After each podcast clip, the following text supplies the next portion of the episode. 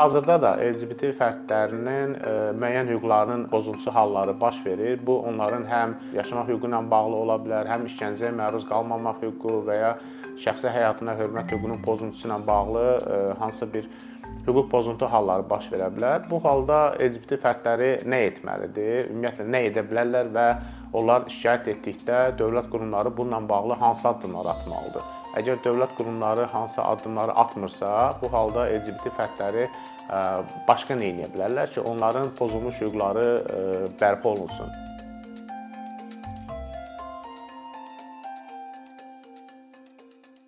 Son zamanlar LGBT fərdlərinə hücumlar daha da artıb və ona görə də biz bu mövzu barədə danışacağıq. Təbii ki, əvvəlki dövrlərdə də, məsələn 3-5 il, 10 il əvvəllər də LGBT fərdlərinə hücumlar olurdu. Bəzən bu hücumlar daha davamlı, kəskin xarakter daşıyırdı, bəzən tək-tək olurdu, bəzən də daha kütləvi hal daşıyırdı. Əgər yadınızdadırsa 2017-ci ildə təxminən 100-ə yaxın LGBT fərdləri inzibati qaydada həbs olunmuşdu. Onlar polis idarələrində işgəncəyə məruz qaldığını iddia etmişdilər və qanunsuz olaraq öz iradəsi əleyhinə əsasları qırxılmışdır və eyni zamanda onlar barəsində müxtəlif müddətə 30 gün müddətinə qədər inzibati həbs cəzası verilmişdir və həmin şəxslərin əksəriyyəti Avropa məhkəməsinə şikayət də vermişdir və Avropa İnsan Hüquqları Məhkəməsi tərəfindən kommunikasiya başladı və bu yəni 100-ə yaxın şəxs həbs olunsa da, onlardan yalnız 25 nəfər Avropa İnsan Hüquqları Məhkəməsinə şikayət vermişdi və onların şikayəti əsasında kommunikasiya başlanmışdı və Avropa Məhkəməsi həm həmin şəxslərin işgəncəyə məruz qalmaq hüququ, həm onların özəl həyatına hörmət hüququ, həm ayrı-seçkiliyə məruz qalmamaq hüququ, eyni zamanda səmərəli müdafiə vasitəsinə malik olmamaq hüquqlarının pozuntusu ilə bağlı Azərbaycan hökumətinə suallar göndərmişdi və hazırda həmin iş üzrə kommunikasiya davam edir. Yəqin ki, yaxın vaxtlarda onunla bağlı qərar qəbul olunacaq. Bu şikayət e, Avropa məhkəməsində təcrübəsində Azərbaycana qarşı ilk e, işdir. Ondan başqa hansısa bir LGBT fərdinin hansısa hüququnun pozuntusu ilə bağlı Avropa məhkəməsinə şikayət verməsinin şahidi olmamışam. Bu e, e, sadəcə o vaxt 2017-ci e, ildə kütləvi xarakter daşıyırdı. O baxımdan da toplu halda bu şəxslər şikayət vermişdi. Və hazırda da LGBT fərdlərinin müəyyən hüquqlarının pozuntusu halları baş verir. Bu onların həm yaşamaq hüququ ilə bağlı ola bilər, həm işgəncəyə məruz qalmamaq hüququ və ya şəxsi həyatına hörmət hüququnun pozuntusu ilə bağlı hansısa bir hüquq pozuntu halları baş verə bilər. Bu halda LGBT fərdləri nə etməlidir? Ümumiyyətlə nə edə bilərlər və onlar şikayət etdikdə dövlət qurumları bununla bağlı hansı addımlar atmalıdır? Əgər dövlət qurumları hansı addımları atmırsa, bu halda LGBT fərdləri başqa nə edə bilərlər ki, onların pozulmuş hüquqları bərpa olunsun? Əgər LGBT fərdlərinin həyat və sağlamlığına təhlükə yaranarsa, onlara xəsarət yetirilərsə, ya məsələn ailə üzvü ola bilər və ya kənar şəxslər ola bilər, ya tanıdığı şəxs və ya ə, məsələn birgə yaşadığı şəxs ola bilər. Bu halda onlar nə edə bilər? Təbii ki, ortada hansısa bir hüquq pozuntusu varsa, bu inzibati pozuntu da ola bilər və ya cinayət xarakterli pozuntu da ola bilər. Bu halda onlar hüquq mühafizə orqanlarına, polis orqanına, prokurorluq orqanlarına şikayət verə bilərlər və təbii ki, həmin qurumlar öz səlahiyyətləri çərçivəsində bununla bağlı araşdırma aparmalıdır. Və araşdırma nəticəsində məlum olarsa ki, həqiqətən də LGBT fərdinin həyat və sağlamlığına xəsarət yetirilib və bu xəsarət onun sağlamlığına hansı zərər yetirib?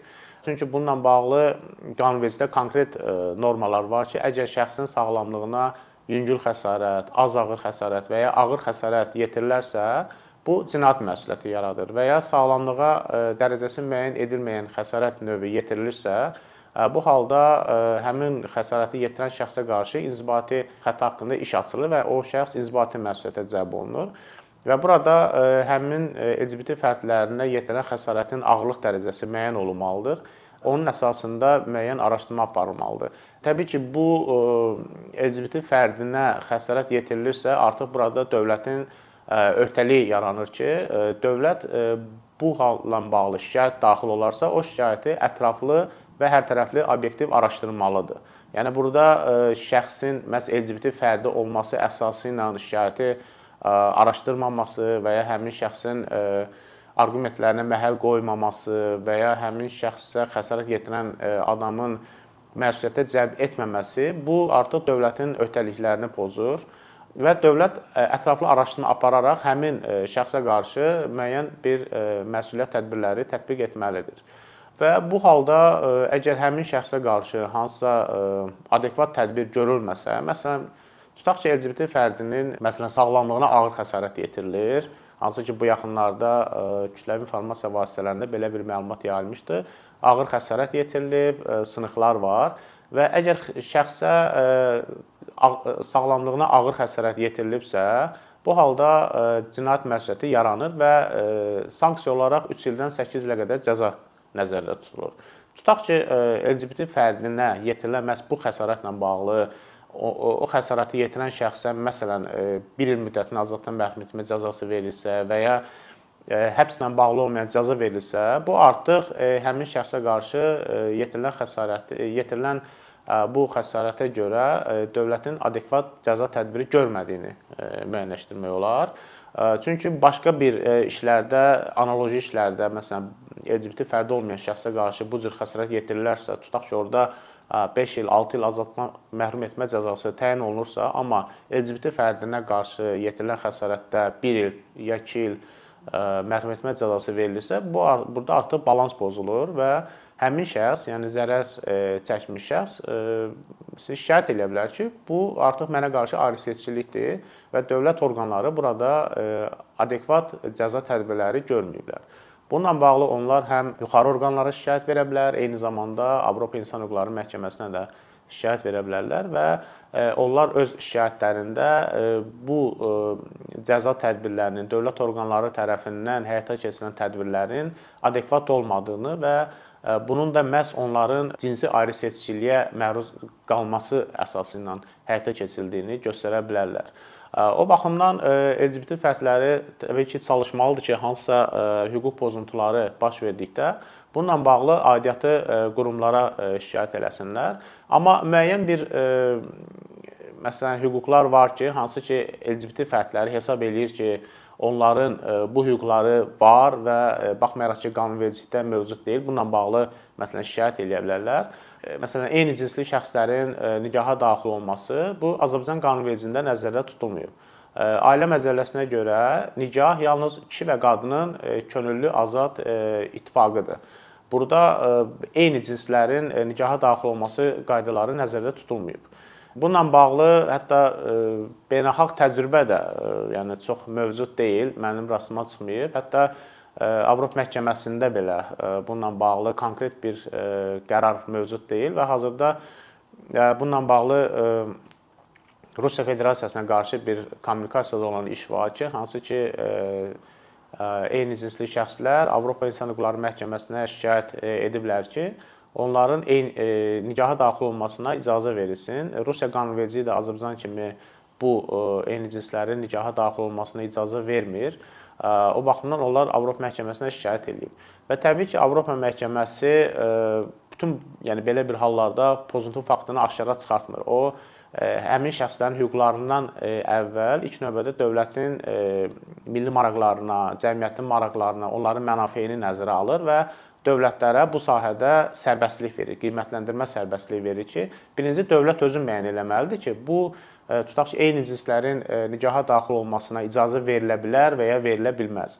Ola bilər məsələn gələcəkdə ya Azərbaycan cəmiyyəti və ya başqa bir ölkə mühafizəkar hansısa bir cəmiyyət buna hazır olsun. Yəni bununla da bağlı dövlət müəyyən addımlar atmalıdır. Bunu cəmiyyətin müzakirəsinə çıxartmalıdır ki, cəmiyyət buna hazırdır, hazır deyil, razılıq verir, vermir. Bu məsələləri araşdırmalıdır və birinci dövlətin qiymətləndirmə sərbəstliyi olmalıdır ki, dövlət buna öz qanunvericiliyində bu məsələni tənzimləyir, yoxsa tənzimləmir. Və dövlət tənzimləmirsə, o halda Avropa məhkəməsi burada pozuntu faktını aşkara çıxara bilməz. Amma müəyyən bir hallar var ki, o əsaslarla hətta qanunvericilikdə nəzərdə tutulmasa belə, orada pozuntu halları tanına bilər. Məsələn, eyni cinslərin məsələn təqib olunması və ya məsələn homoseksuallığa görə cinayət məsuliyyətinin yaranması əvvəllər yəni Azərbaycanda əvvəlki cinayət məcəlləsində, cinayət qanunvericiliyində bununla bağlı normalar var idi. Hazırda Orta Asiya ölkələrinin bəzilərində homoseksuallığa görə cinayət məsuliyyəti yaranır və həmin şəxslər cinayət təqibinə məruz qalırlar. Və hesab etsək ki, bu norma Azərbaycan qanunvericiliyində olsaydı və homoseksuallığa görə cinayət məsuliyyəti yaranardı, Avropa məhkəməsinə tutaq ki, bununla bağlı şikayət daxil olsaydı, məhkəmə bunu pozuntu sayacaqdı. Çünki Avropa məhkəməsi Avropa Şurasına üzv olan ölkələrdən təxminən 10-unda bu norma qalıb, yəni o həmin ölkələrin cinayət qanunvericiliyində homoseksuallığa görə cinayət məsuliyyəti yaranır. Digər ölkələrdə isə belə bir norma yoxdur və bu həmin hallarla bağlı tutaq ki, qanunvericilikdə normalar mövcuddursa, artıq bu məsələyə görə yəni homoseksualların cinayət məsuliyyətinə cəlb olunması konvensiyaya zidd hesab olunacaqdır. Və ya bundan əlavə məsələn transgenderlərin cinsini dəyişməsi bizim qanunvericilikdə nəzərdə tutulub. Yəni şəxs cinsini dəyişərsə, bu halda o adını, soyadını, ata adını dəyişməsi ilə bağlı qeydiyyat orqanlarına müraciət edə bilər və yeni şəxsiyyət vəsiqəsi ala bilər. Yəni Azərbaycan qanunvericiliyində belə bir norma var, amma indiyə qədər bu normadan istifadə edən, onun tətbiq olunması üçün müraciət edən, yəni şəxslərlə bağlı praktikada rastımıza çıxmayıb ki, hansısa bir transgender cinsini dəyişdikdən sonra qeydiyyat orqanına müraciət eləsin və cinsin yəni adını, soyadını dəyişməsi ilə bağlı müraciət eləsin.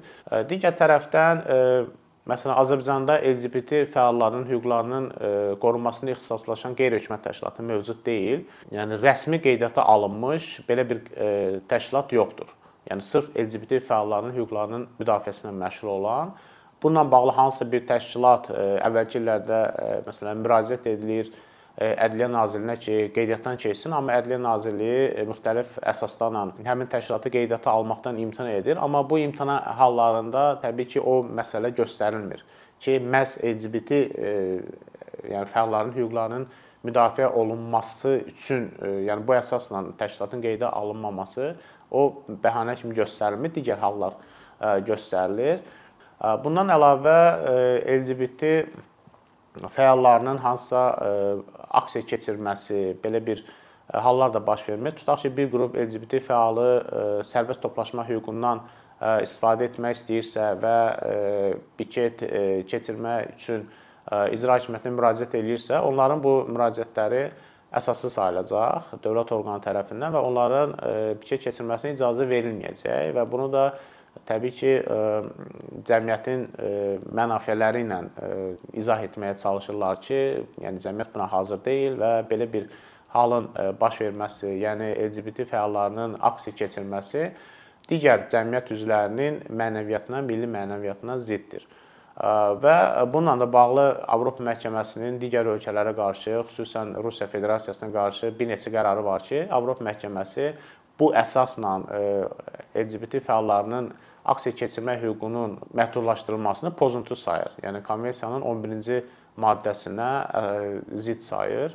Ona görə də bu sahədə də məsələn müəyyən problemlər mövcuddur və bundan əlavə daha çox yayılan problem hansı ki LGBT fəallarının qarşılaşdığı problem nifrət nitqi ilə bağlıdır. Bu həm yəni cəmiyyətdə onlara qarşı yəni bir mənalı münasibət mövcud deyil.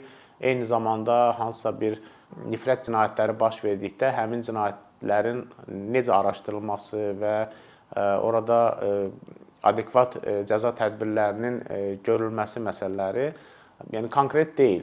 Və eyni zamanda nifrət cinayəti ilə bağlı vahid bir statistika da mövcud deyil ki, nifrət cinayətinə görə tutaq ki, il ərzində neçə şəxs məsuliyyətə cəlb olunub, neçə şəxs bu cinayətin qurbanı olub.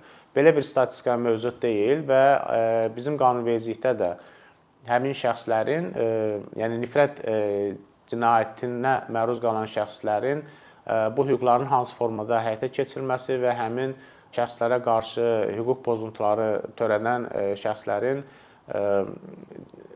hansı cinayət məsuliyyətinə, hansı onlar barəsində hansı cəza növlərinin tətbiq olunması dəqiq izah olunmur və eyni zamanda nifrət cinayətləri törədilməsi əsası cəzanın məsələn ağırlaşdıran hallarına daxil deyil. Necə ki, məişət zorakılığı zəminində törənən cinayətlər cəzanı ağırlaşdıran hallara daxil deyil. Eyni zamanda bu nifrət nifrət cinayəti ilə bağlı, yəni şəxsin məhz cinsinə görə ona onun təqib olunması, onun onun barəsində hansısa cinayətin törədilməsi cəzanı ağırlaşdıran hallara daxil deyil. Bizim cinayət məcəlləsində belə bir normalar nəzərdə tutulmur. O baxımdan bu qanunvericilikdə də bununla bağlı ciddi problemlər var.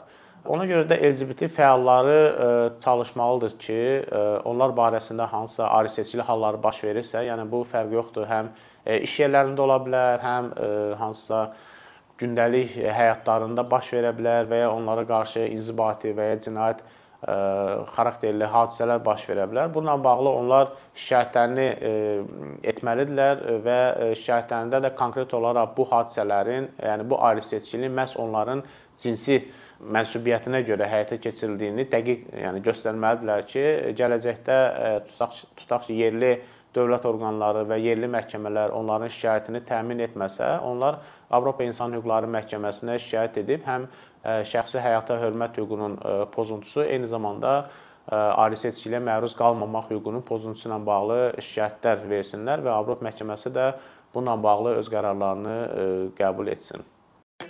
Əkinçinin yeni videoları haqqında məlumatlı olmaq üçün kanalımıza abunə olmağı və xəbərdarlıq funksiyasını aktivləşdirməyi unutmayın. İmkandan istifadə edərək cari patronlarımıza işlərimizi davam etməyə yardım olduqları üçün dərin təşəkkürümüzü bildiririk. Əkinçinin Patreon icmasının üzvü olaraq siz bizim təşəbbüsə dəstək göstərməklə bərabər hazırladığımız materialları hər kəsdən öncə izləmə imkanı əldə edəcəksiniz.